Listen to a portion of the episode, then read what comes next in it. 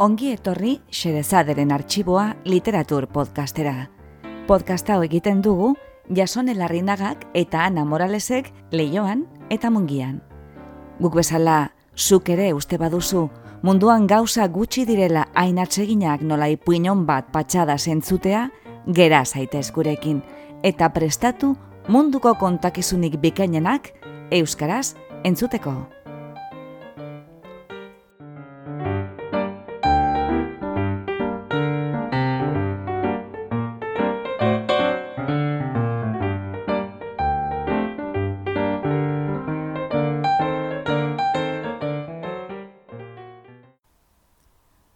Saldun kontuak. Egilea, Neil Gaiman. Itzultzailea, Ana Morales.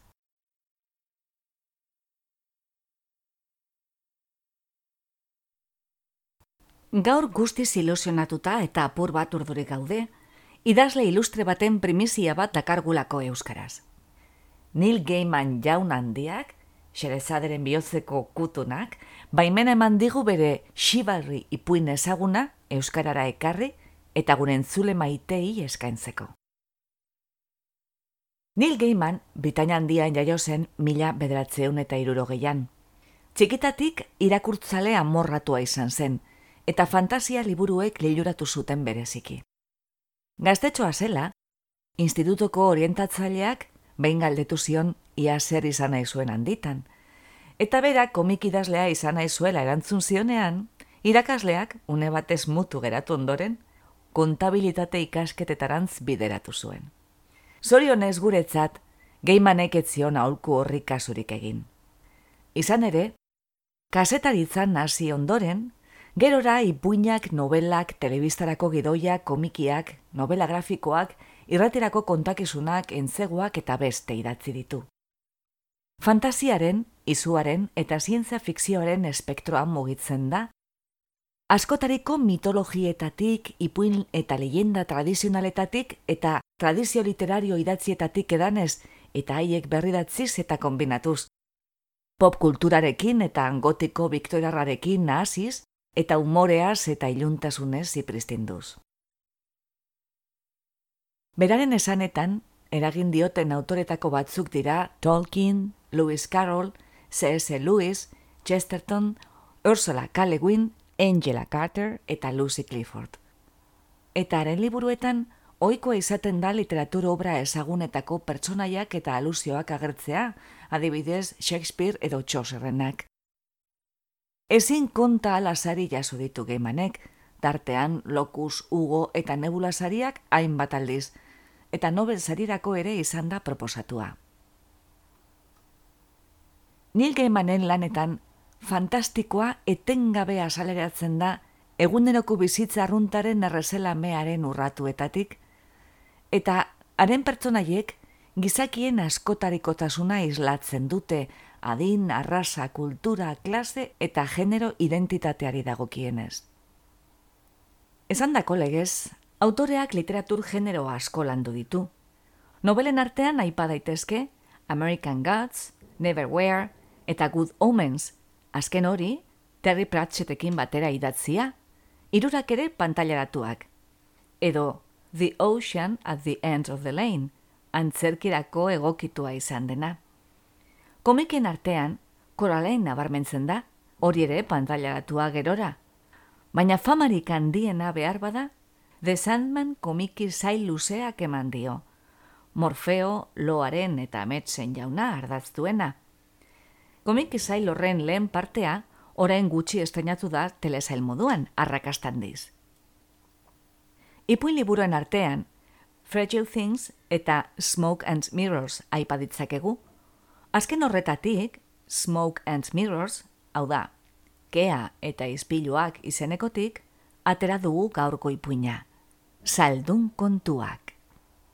Kontakizun honetan, gure aroan bizi den edadeko andre batek, grial santua aurkitzen du. Ez pentsa, ipuinaren amaiera ondatzen gabiltzanik berbalapiko utzagarelako. Hori, ipuineko lehen esaldian argitzen da. Eta ez, ez da metafora bat. Huitak ere Andreak, leyenda arturikoetako grial santua ikusi, berehala identifikatzen eta segituan erosten du, bigarren eskuko gauzen denda batean. Ez dizuegu gehiago kontatuko, baina pentsa daitekenez, gauza guztiz kitzikagarrietarako atea zabaltzen du hasierako gertaera horrek. Baina barmenduko ditugu, aldiz, ipuinaren zenbait ezaugarri intereseko. Azteko eta bat, historioko heroina, bakarrik bizi den Andrezar pentsio dun bat da, eta abenturak bere bizitzako astebete hartzen du, zeinetan egunez egun ezagutuko dugun xeetasun zenbaitez, haren ohiko bizimodua, garbik eta lanak, otorduen prestaketa, erosketak. Ezagutuko ditugu, alaber, bere adizkidetasun eta elkartasun zarea, bere bizitzako iluna barrean dituen oroitzapen nostalgiak eta keskak, eta ipuin tradizionaletan ohikoa den formula bat olgetan benetan erabiliz, autoreak Whitaker Andrea erakutsiko digu hiru aldiz aurre egiten objektu magiko bat bere bizitzan sartzeak aurrean jartzen dion dilemari. Ipuin honetan, Andre Xamur batek magia aurkitzen du traste arrunten artean. 2008ko irailaren zeian, autoistripu batek ostu zigun egunerokotasuna magiaz eta diztiraz betetzen zuen beste Andre maitagarri bat. Rosa Morales gure aizpa maitea.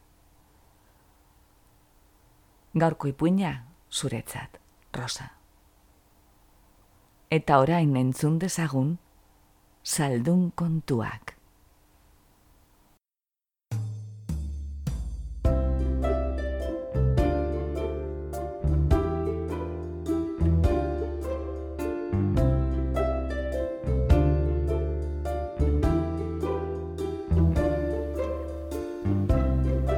Huitzaker Andreak grial santua aurkitu zuen.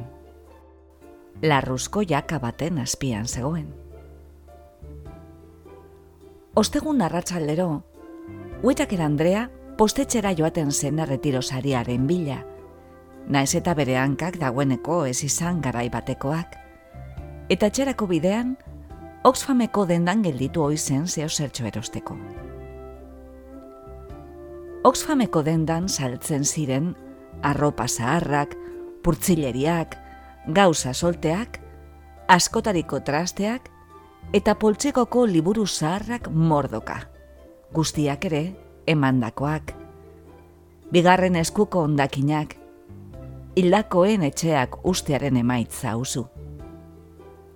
Irabazi guztiak, ongintzarako ziren voluntarioak arduratzen ziren dendaz. Arrazalde hartako voluntarioa, Mari zen, amazazpi urtekoa, zendoxea. Gertze malba zabal bat zuen soinean, dendan erosia zirudiena. Mari, erakus maiaren aurrean zegoen jesarrita, emakume modernoa aldizkariaren ale bat eskuetan zure nortasun eskutua agerira, zeritzon test bat betetzen. Noizean behin, aldizkariaren atzeko partera jotzen zuen, behiratzeko zenbat puntu balio zuten ak, bek edo sek, galdera bakoitzaren erantzuna erabaki baino lehen. Huitaker Andrea, firin faran zebilen dendatik. Artean ez zuten saldu kobra disekatua, o hartu zenez. Ze hilabete zera matzan bertan, hautsa batzen, kristalesko begiez maltzurki begira arropen ezekitokiei eta portzelan asko gauza sartatu ez eta jostailuak inkatu ez betetako armairuari. Huetaker Andreak, jak egin zion buruan, albotik pasatzean. Mills Ans Buneko novela pare bat hartu zituen apal batetik. Andrearen arima trumoitzua eta Andrearen bihotz zurrun bilotzua bakoitza txelin batean. Eta tarte batez, buruan erabili zuen Mateus Rose botila huts batez egindako lanpara hartzeko aukera, baina azkenean erabaki zuen egia esateko etzeukala non jarri. Larruzko beroki nahiko mehetu bat baztertu zuen, kanfor rusain ikaragarria zuena. Haren azpian, makulu bat zegoen, eta saldun historio eta eleza harrak liburuaren ale bat, A. R. Hope Moncrifena, ure zorbaindua, bospenikean. Liburuaren ondoan, albos etzanda, grial santua zegoen. Oinean, paper itxasgarri biribil bat zeukan, eta gainean prezioa errotula gailuz idatzita. Hogeita mar penike. Uitaker Andreak urrezurizko kopa utzestatua hartu, eta bere betaurreko lodien atzetik balioetzi zuen ze polita den hau, esan zion ozen mariri. Marik sorbaldak oratu zituen. Polito geratuko litzateke zutondoko apalaren gainean. Marik berriz goratu zituen sorbaldak. Uetaker Andreak berroeta marpenike eman zizkion mariri, eta ark amarpenike eman zizkion bueltan eta paperezko poltsa marroi bat liburuetarako eta gria santurako. Gero, Huitaker Andrea arategira joan zen eta gibel xerra eder bat erosi zuen. Horren ostean, etxera joan zen. Kalezaren barrualdeak, hauts gorri marroiskaren geruza lodi bat zeukan. Uitaker Andreak kontuan dizgarbitu zuen, eta ordu bete utzi zuen urrepeletan xorrota da bat ospinarekin. Gero, lustrea eman zion metalerako garbigarriaz distira egin arte, eta egongelako zutondoaren gaineko apalean jarri zuen, portzelan asko eiza txakurtxo xamur baten, eta bere zenarra zenaren, Henryren, argazki baten artean. Frentoneko ondartza batean aterea zen. Mila bederatzeun eta berrogeita mairuan. Zuzen zegoen. Polito geratzen zen benetan. Iluntze hartan, gibel frigitua prestatu zuen afaltzeko, ogi birrinetan plapla eginda eta kipularekin. Oso goxo egon zen.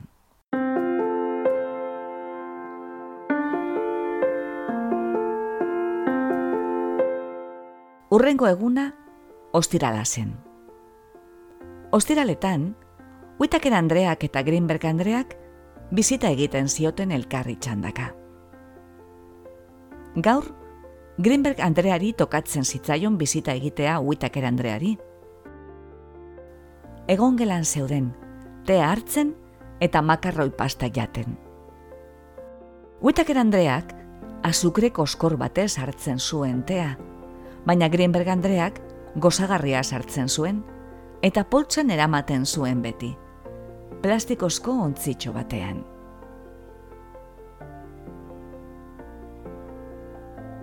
Ze polita, esan zuen Greenberg Andreak griala seinalatuz. Zer da? Grial santua da, esan zuen Whitaker Andreak. Jesu Kristok azken afarian erabilitako kopa, Gero, gurutzean zegoela, haren odol preziatua jaso zuen, zenturioiak lantza saietzaldea zulatu zionean. Grimberg Andreak, arnazotza egin zuen sudurraz. Hmm. Txikia eta judua zen, eta ezin zituen eraman gauza osasun gaitzak.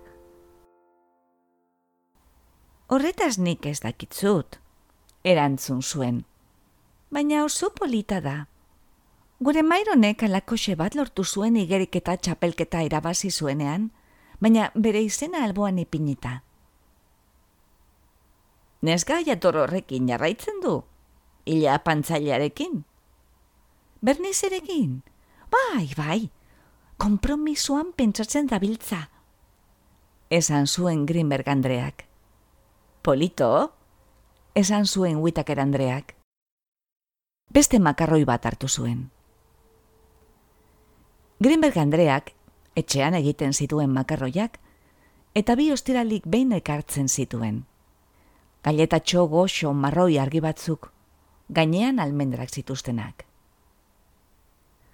Maironez eta Bernizez mintzatu ziren, eta Huetaker Andrearen loba Ronaldez, Huetaker Andreak etzeukan seme alabarik, eta Andre bien laguna zen Perkins Andreas.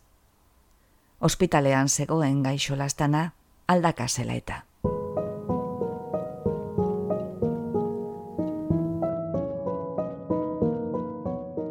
Eguerdian, Greenberg Andrea etxera joan zen, eta huetaker Andreak gazta tostada bat prestatu zuen bazkaltzeko. Eta, janeta gero, pilulak hartu zituen. Zuria eta gorria eta laranja koloreko pitxikiak. Txirriñak jo zuen.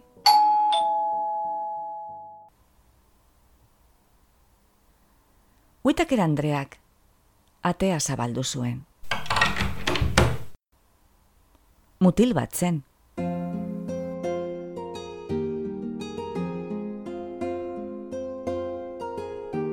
Sorbaldarainoko hilea zuen. Hain argia nonia zuria baitzen. Eta urre zurizko armadura distirant bat zeraman, kapa zuri batekin. Kaixo, esan zuen mutilak. Kaixo, esan zion huitaker Andreak. Xerken nabil, esan zion mutilak. Mm, polito? esan zion guitaker Andreak neutroki. Zar ninteke? Galdetu zion mutilak. Guitaker Andreak ez eskoa egin zion buruaz. Barkatu, nahiago ez. Esan zion. Grial santuaren xerkan nabil. Esan zuen mutilak. Hemen dago Mm, badaukazu identifikaziorik? Galdetu zion guitaker Andreak. Basekien, edade batekoa izan da eta bakarrik bizita, etzela zurra identifikatu gabeko ez ezagunei etxean sartzen ustea. Poltsak ustu egiten ziren, eta gauza okerragoa gertatu ere bai. Mutilak buelta eman zuen, eta lorategiko bidetik joan zen saldia, gerra samari gris erraldoi bat, pertseroi bat bezain handia, burutente eta begia askarrekoa, lotuta zegoen guitakera Andrearen lorategiko atean. Saldunak eskua sartu zuen alprojan, eta Andrearen gana itzuli zen pergamino bat hartuta. Britoi guztien errege harturrek sinatuta zegoen, eta jende oroei manatzen zien zein ere haien maila edo estatusa, jakin zezaten ezen ura zela galaad, mai biribileko salduna, eta xerka guztiz gora eta noble batean zebilela. Horren azpian, mutilaren marraski bat zegoen. Etzen txarra. Uitaker Andreak bai eskoa egin zuen. Argazkidun txarteltxo bat espero zuen, baina ura askozaz ere itzelagoa zen. Tira, aurrera ba orduan, esan zuen. Zukaldera joan ziren.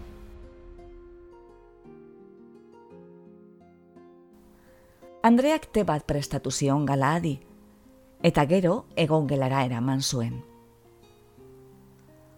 Galaadek, griala ikusi zuen zutondoko apalean, eta hanka baten gainean belaunikatu zen. Kikara utzi zuen kontu handiz alfombra gorriztan.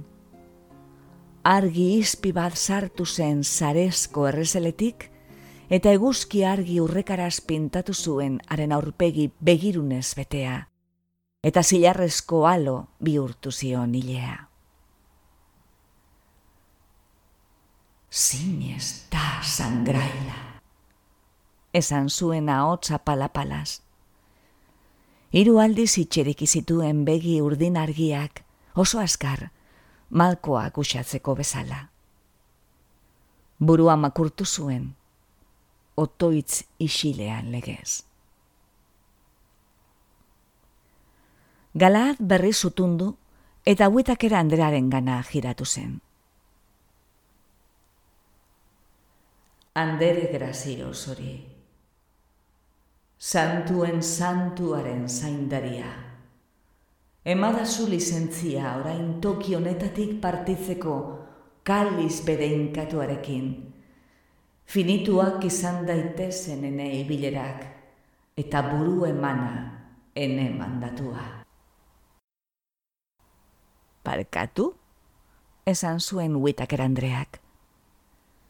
Galad beraren gana joan zen eta eskusarrak hartu zizkion bereetan. Bukatu da nire xerka, esan zion. Eskueran duz zangrail azkenean. Uitak erandreak bil-bil egin zituen Espainiak.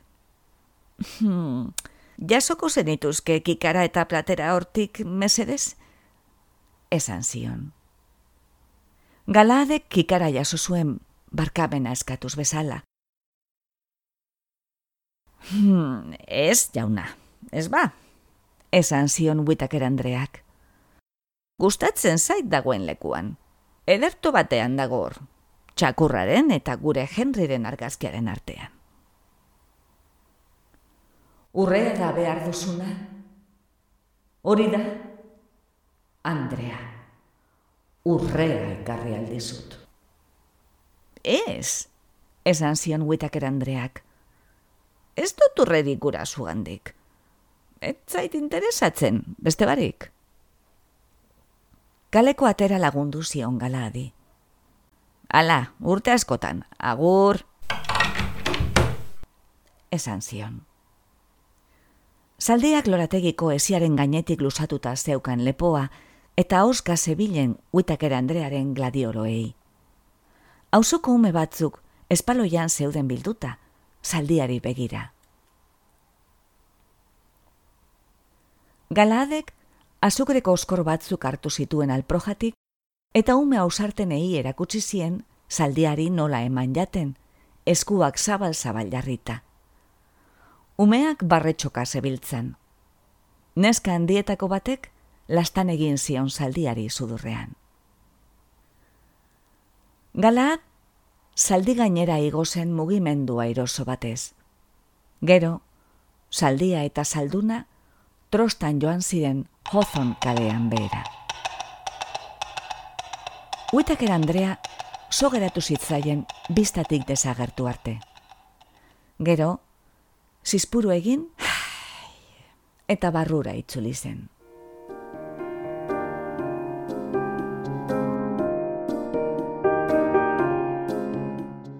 Asteburua lasaia izan zen.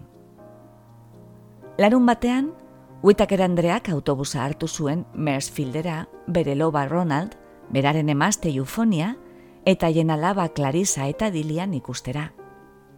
Berak egindako maspasa bizkotxo bat eraman zien.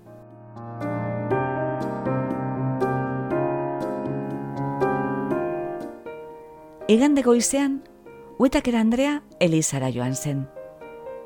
Bere ausoko Eliza, Santiago txikiaren Eliza zen. Eliza bat baino gehiago, gogaideak postasunez elkartzeko leku bat duzu hau, estilokoa zen. Lartxo egi, huetak eranderaren gustorako, baina gogoko zuen bikarioa. Bartholomiu erreberendoa, gitarra jotzen ez zegoenean behintzat. Mesaren ostean, Pentsatu zuen ari aipatzea grial santua zeukala etxeko egon gelan, baina ez etzera baki zuen. Aztelen goizean, Huitaker Andrea lanean zebilen etxeatzeko lorategian. Belar aromatikoen baratze txiki bat zeukan eta oso arro zegoen beraz. Aneta, berbena, mendabelarra, erromesa, erlebelarra eta mordotzar bat perresiltzeukan. Belauniko zegoen, lore zaintzarako eskularru berde lodiak jantzita, belar gaiztoak kentzen eta bareak batzen, eta haiek plastikozko poltsa batean sartzen.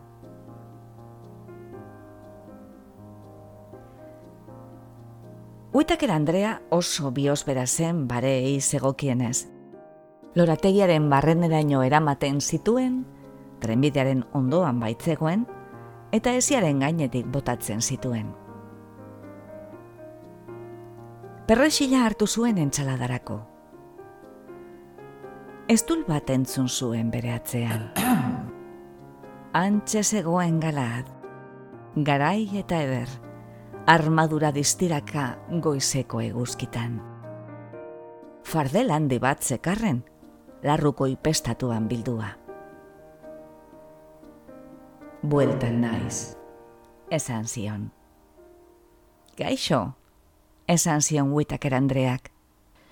Zutundu zen, nahiko astiro, eta eskularruak kendu zituen. Dira ba, esan zion. Hemen zauden eskero, lan pixka bat bentsat egingo duzu. Barez betetako poltsa eman zion eta esan zion atzealdeko esiaren gainetik usteko. Alas egin zuen galadek. Orduan sukaldera joan ziren. Terik edo limoiurik? Galdetu zion. Zuk hartzen duzuna, esan zion galaadek. Uitakera Andreak, etxean egindako limoiurez betetako pitxar bat hartu zuen oskailutik, eta kanpora bidali zuen galaad, menda adaska baten bila.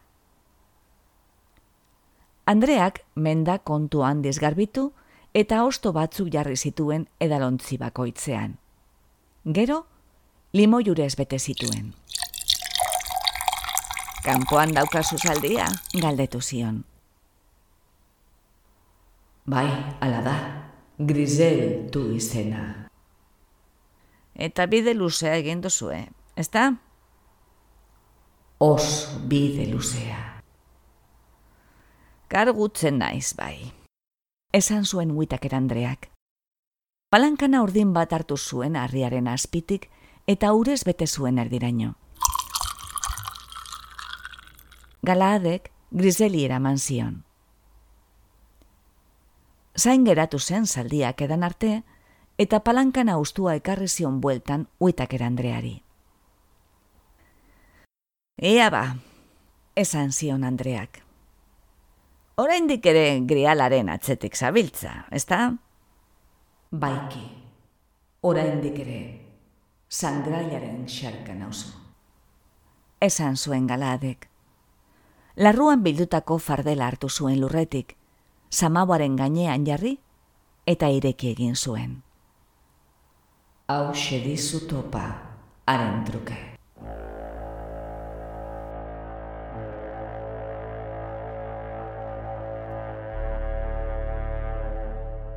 Espata bat zen, metro eta erdi luzeia. Itzak eta simboloak zeuskan dotore marratuta ahoan zehar. Burua zilarrez eta aurrez landua zeukan, eta espata zagarrean, arribitsi handi bat zegoen txertatuta. Os, oso polita, esan zuen huitaker Andreak zalantzaz. Hau, esan zuen galaadek. Balmon espata duzu. Oeland errementarik landua munduaren egun sentian.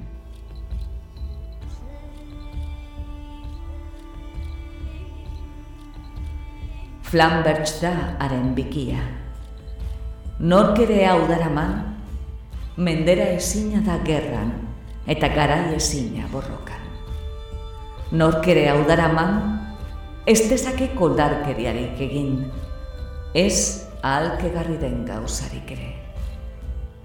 Espata sagarrean, birkon sardonizea dauka. Zeinak bere jabea begiratzen baitu, ardo eta garagardo pozoitutik, eta lagunen traiziotik. Uitak erandreak espatari begiratu zion, oso zorrotza dirudi.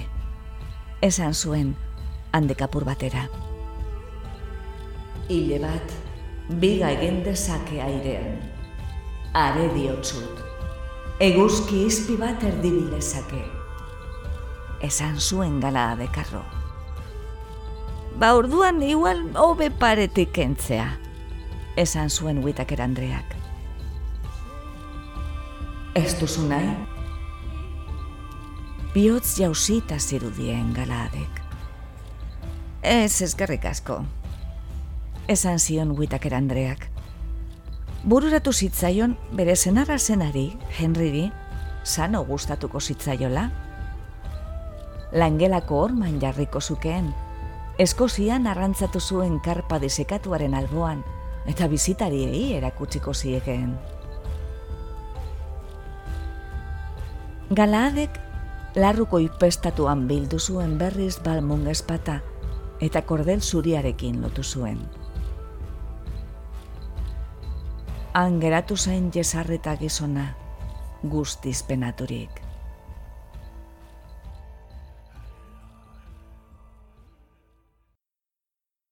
Uitaker Andreak, gazta eta pepinosko sandwich batzuk egin zizkion bidaiarako, eta argizaridun paperean bildu zituen.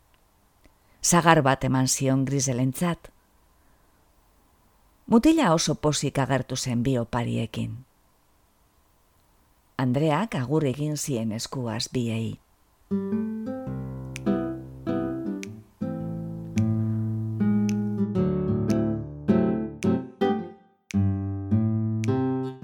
Arratsalde horretan, Andreak autobusa hartu zuen ospitalera joateko Perkins Andrea ikusten. Artean bertan baitzegoen aldaka zela eta gaixo lastana. Huetaker Andreak etxean egindako fruta bizkotxoa eraman zion, baina intxaur bakoa, Perkins Andrearen hortzak espaitziren gehiago garaibatekoak. Gau hartan, telebista apur bat ikusi eta goiz erretiratu zen Uitaker Andrea.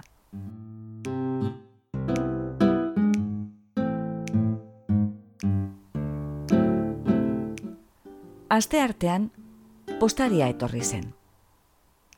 Uitaker Andrea, ganbarako trastelekuan zegoen, pixka bat txukuntzen, eta urratz bakoitza astiro eta kontu handiz eginez jaitzi zenez, etzen behera gara izeldu postariak ohar bat utzia zion. Zioena pakete bat ekartzen saiatu zela, baina ez zela inor egon etxean. Huitaker Andreak asperen egin zuen. Ai, nebadatxue. Oharra poltsan sartu eta postetxera jaitsi zen. Paketea Huitaker Andrearen lobaren zen. Xirelena, Australiako Sydneytik bidalia. Lobaren zenar zen eta alaba bien, Dixie eta Violeten argazkiak sekartzan, eta maskor bat kotoietan bildua. Huitaker Andreak, apaingarrizko hainbat maskor zeuskan gelan. Bere gustokoenak, bahametako ikuspegi bat zeukan esmaltean egina.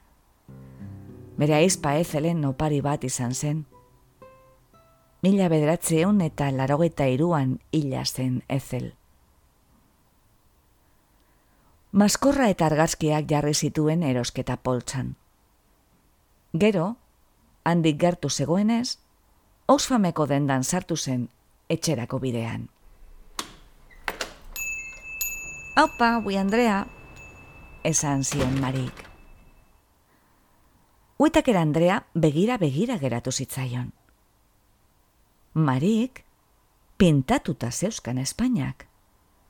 Ez ondoen emango zion kolorean segurutik, eta ez aparteko abileziaz, baina denborarekin helduko zen hori ere, pentsatu zuen Whitaker Andreak. Eta nahiko gona dotorea zeraman. Hobekuntza handia zen. Ah, kaixo maitia, esan zion Whitaker Andreak. Gizon bat etorri zen joan den astean, zuk erositako zera hartaz galdezka. Metalesko go, kupa edo zera hori. Esan nion zu zelan aurkitu. Ez dizu ardura, ezta? Ez maitia, esan zion huitaker Andreak. Arkitu egin ninduen. Oso galanta zen. Uf, galanta baina galanta. Egin zuen azperen marik ameslari. Amutxu bat botateko modukoa. Eta saldi zuri handi eta guzti zeukan. Amaitu zuen marik. Hoi baino tenteago zegoen, ohartu zen Whitaker Andrea, honespenaz. Whitaker Andreak, Mil buneko beste novela bat hartu zuen apalategitek. Andrearen grina dirdaitzua. Naiz eta oraindik amaituta zeuki aurreko bizitan erositako beste biak.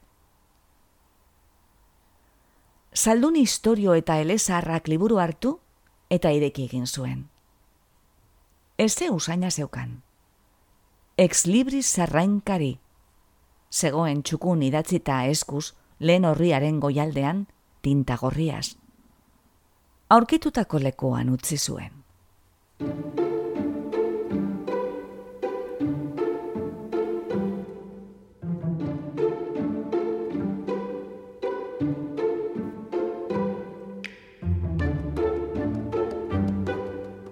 Etxera heldu zenean, galaat zeukan zain. Hauzoko umeak paseatzen zebilen grizelen gainean, kalean gora eta bera. Posten naizu hemen egoteaz, esan zion Andreak. Maleta batzuk dauzkat mugitzeko.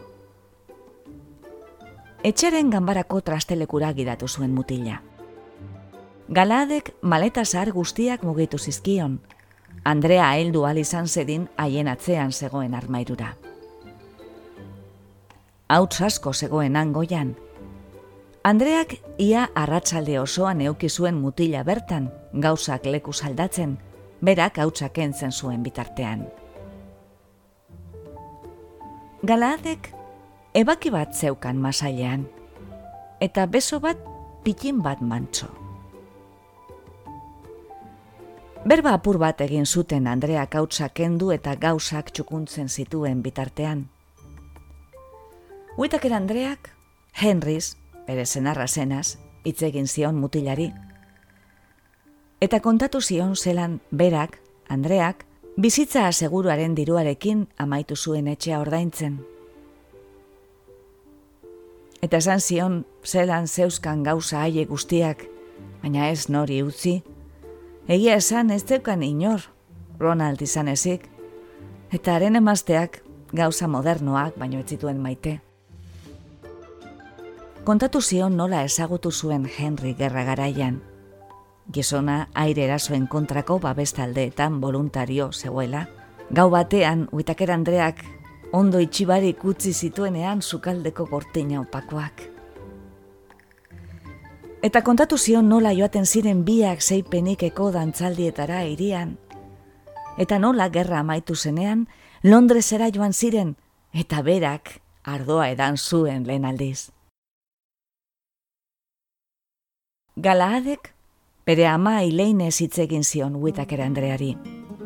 Nola txori bustana eta kaskarina zen, eta sorgin pixka bat ere bai, errematerako eta mintzatu zitzaion bera itona pele zerregea ere.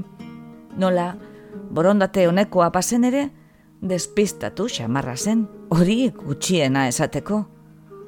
Eta pele zen gazte denporaz, blaianteko gazteluan igaroaz, uarte boskari otzuan.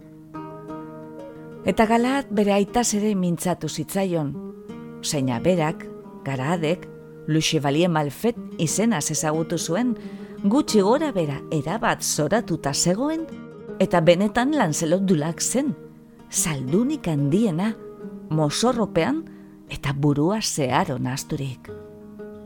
Eta galadek, bere iraganaz ere hitz egin zion, gaztetxotan eskutari zebilenekoaz kameloten. Bostetan, Huitaker Andrea gainbegiratu bat eman zion trastelekoari, eta erabaki zuen bere honespena merezi zuela. Orduan, leioa zabaldu zuen gera egurazteko, eta bera joan ziren, sukaldera, eta Andreak ura irakiten jartzeko ontzia ipini zuen zuen. Galaad, sukaldeko mailaren aurrean jesarri zen. Gerrian zeraman larruzko poltsa zabaldu zuen, eta harri zuri biribil bat atera zuen.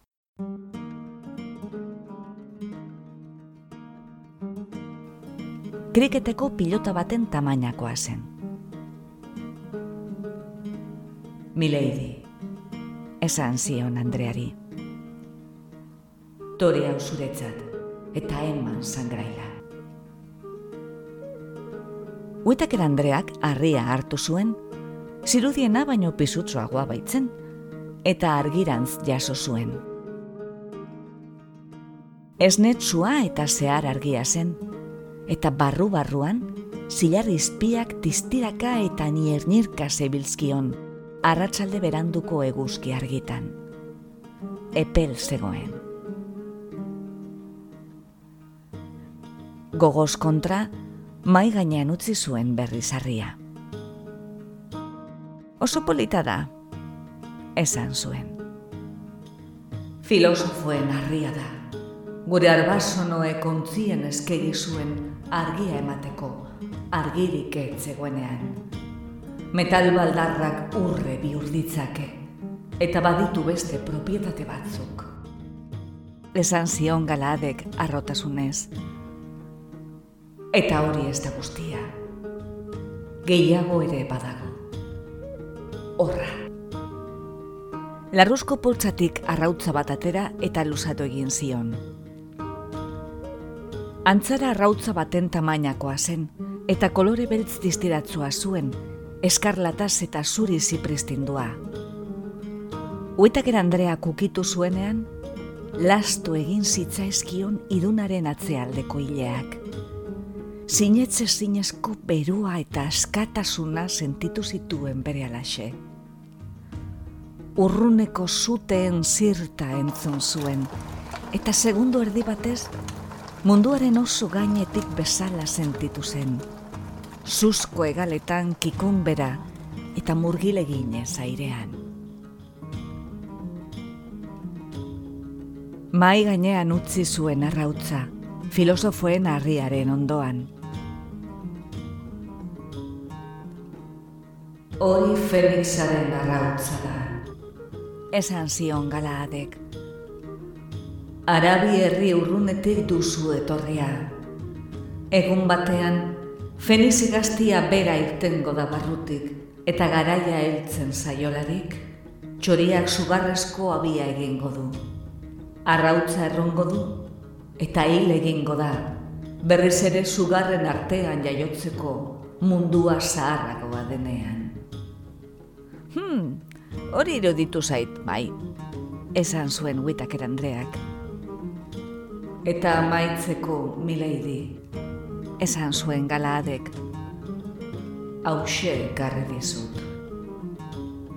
Zakutotik atera eta eman egin zion. Zagar bat zen, itxura batean errubi bakarretik landua, hanbarrezko txurten bat zuena. Urdurixe, Andreak maitik hartu zuen. Malgu sentitzen zen eskuan, baina itxura baino etzen. Atzamarrek urratu egin zuten, eta errubi koloreko zukua isuri zitzaion, huitaker Andrearen eskuan behera irriztatuz.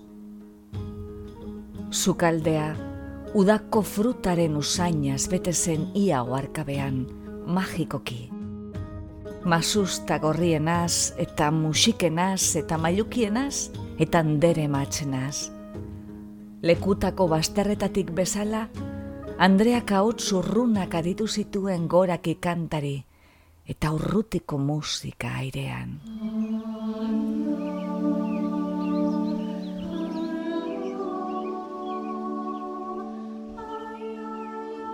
Esperiretako sagarretako bat da esan zion galaadek ahotsa palaz. Mokadu batek edo zen gaixotasun edo zauri sendatuko du, zein ere den larria. Bigarren mokaduak gaztetasuna eta edertasuna berritzen ditu. Eta hirugarren mokaduak betiereko bizitza ematen omen du.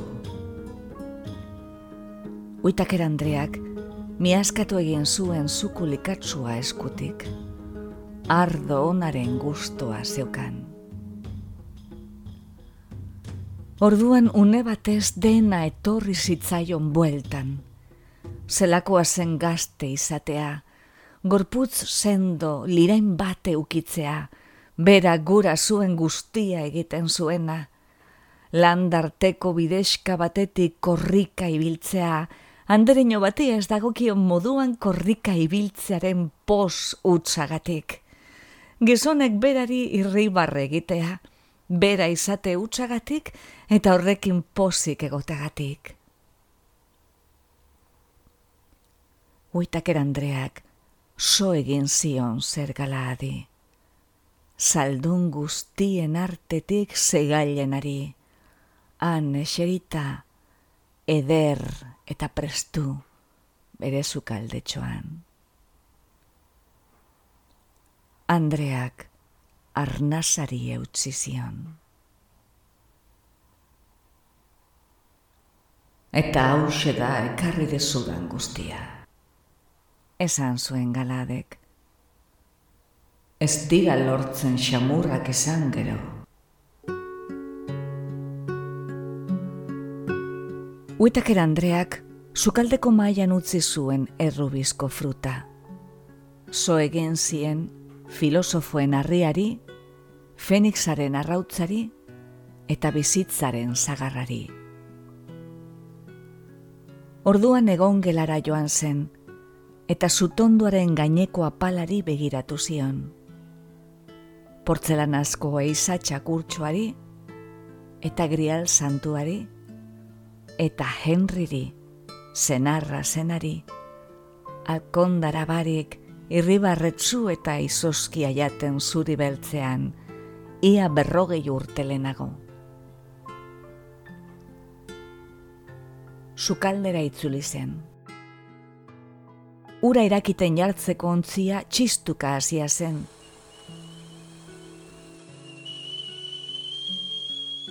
Urlurrun txupiska bat bota zuen Andreak teontzian.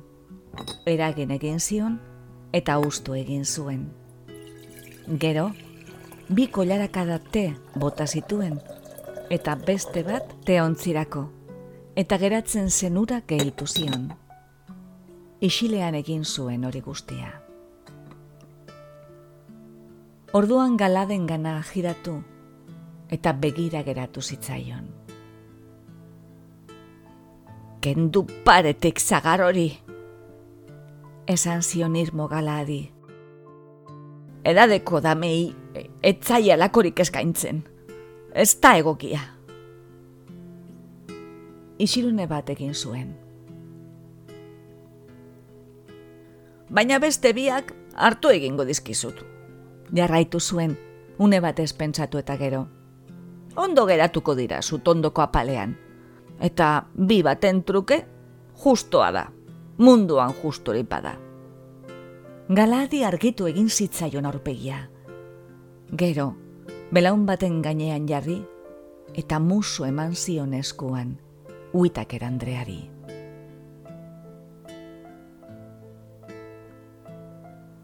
Altxa urtik, esan zion guitaker Andreak. Bikikarak bete zituen tez, portzelanari konena atera eta gero, okazio berezietarako baino etzena. Isilik hartu zuten tea.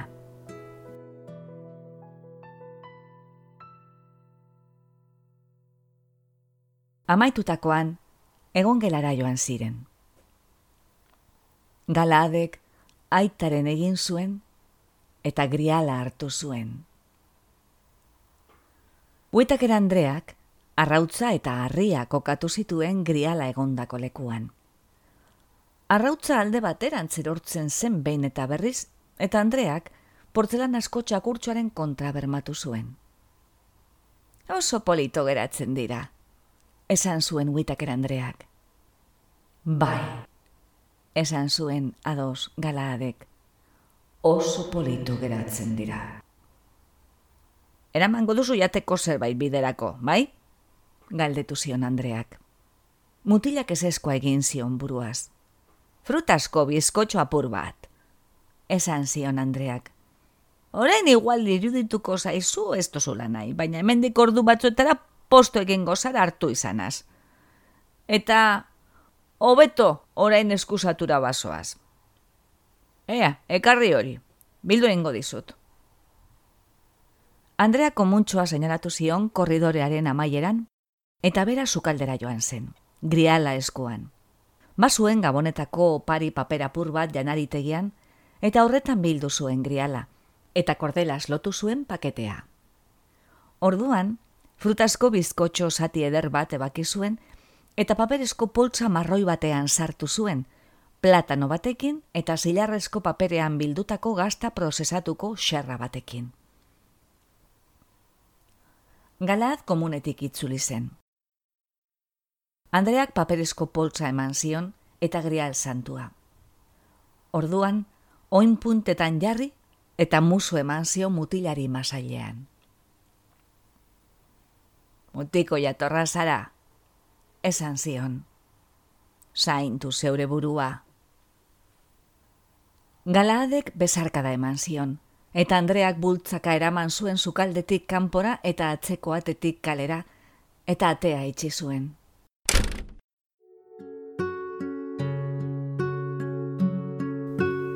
Beste tekikara bat jarri zion bere buruari, eta isilka hasi zen negarrez Kleenex batean, zaldi apatzen dan batekoak oihartzun egiten zuelarik Hawthorne kalean behera.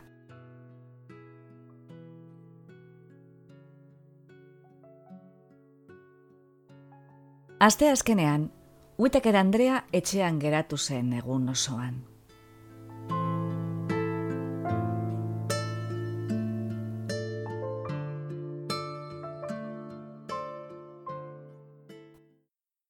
Ostegunean, postetxera jaitsi zen erretiro sariaren bila.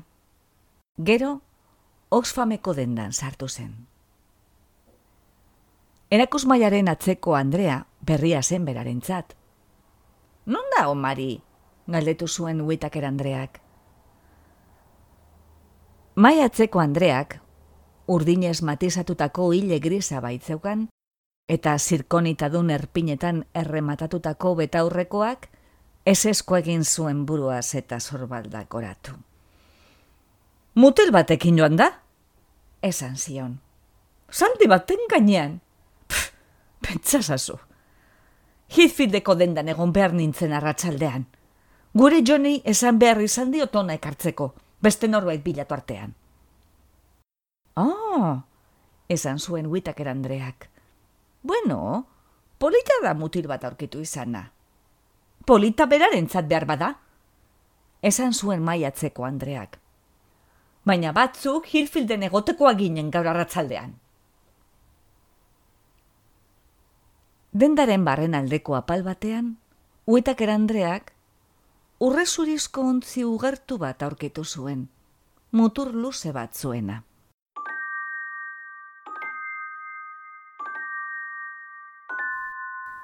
Irurogei penike balio zuen, alboan itxasita zuen papertxoaren arabera. Teontzi zapal luxeska baten antzpiska bat zeukan.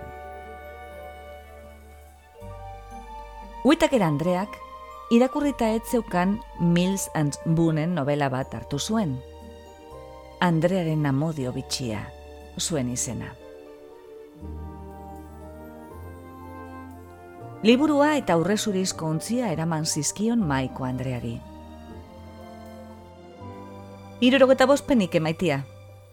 Esan zion Andreak, urre zurizko objektua hartuz eta ari arretaz begiratuz. Zelako zera xelebrea, ez da? Goizean heldu da. Idazkune bat zuen grabaturik albo batean, karaktere txinatar karratu zaharretan, eta euskarri kakotu dotore bat zeukan. Oliorako lata bat edo, dionipa? Ez da oliorako lata bat. Esan zuen Whittaker Andreak, ondo baino beto baitzekien zer zen. Kriseilu bat da. Metalesko erastun txiki bat zegoen, apaingarririk gabea, kordel marroiaz loturik kriseiloaren euskarriari. Egia esan, esan zuen Whittaker Andreak. Ondo pentsatuta, uste dut liburua baino ez du dala hartuko. Nobelaren bost penikeak ordaindu zituen eta kriseiloa jarri zuen aurkitu zuen lekuan, dendaren barren aldean. Azken batez, gogo eta egin zuen Whittaker Andreak etxera bidean. Ez zeukan ura non jarri.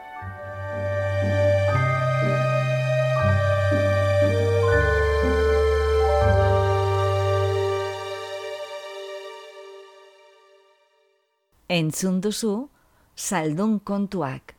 Egilea, Neil Gaiman. Itzultzailea, Ana Morales.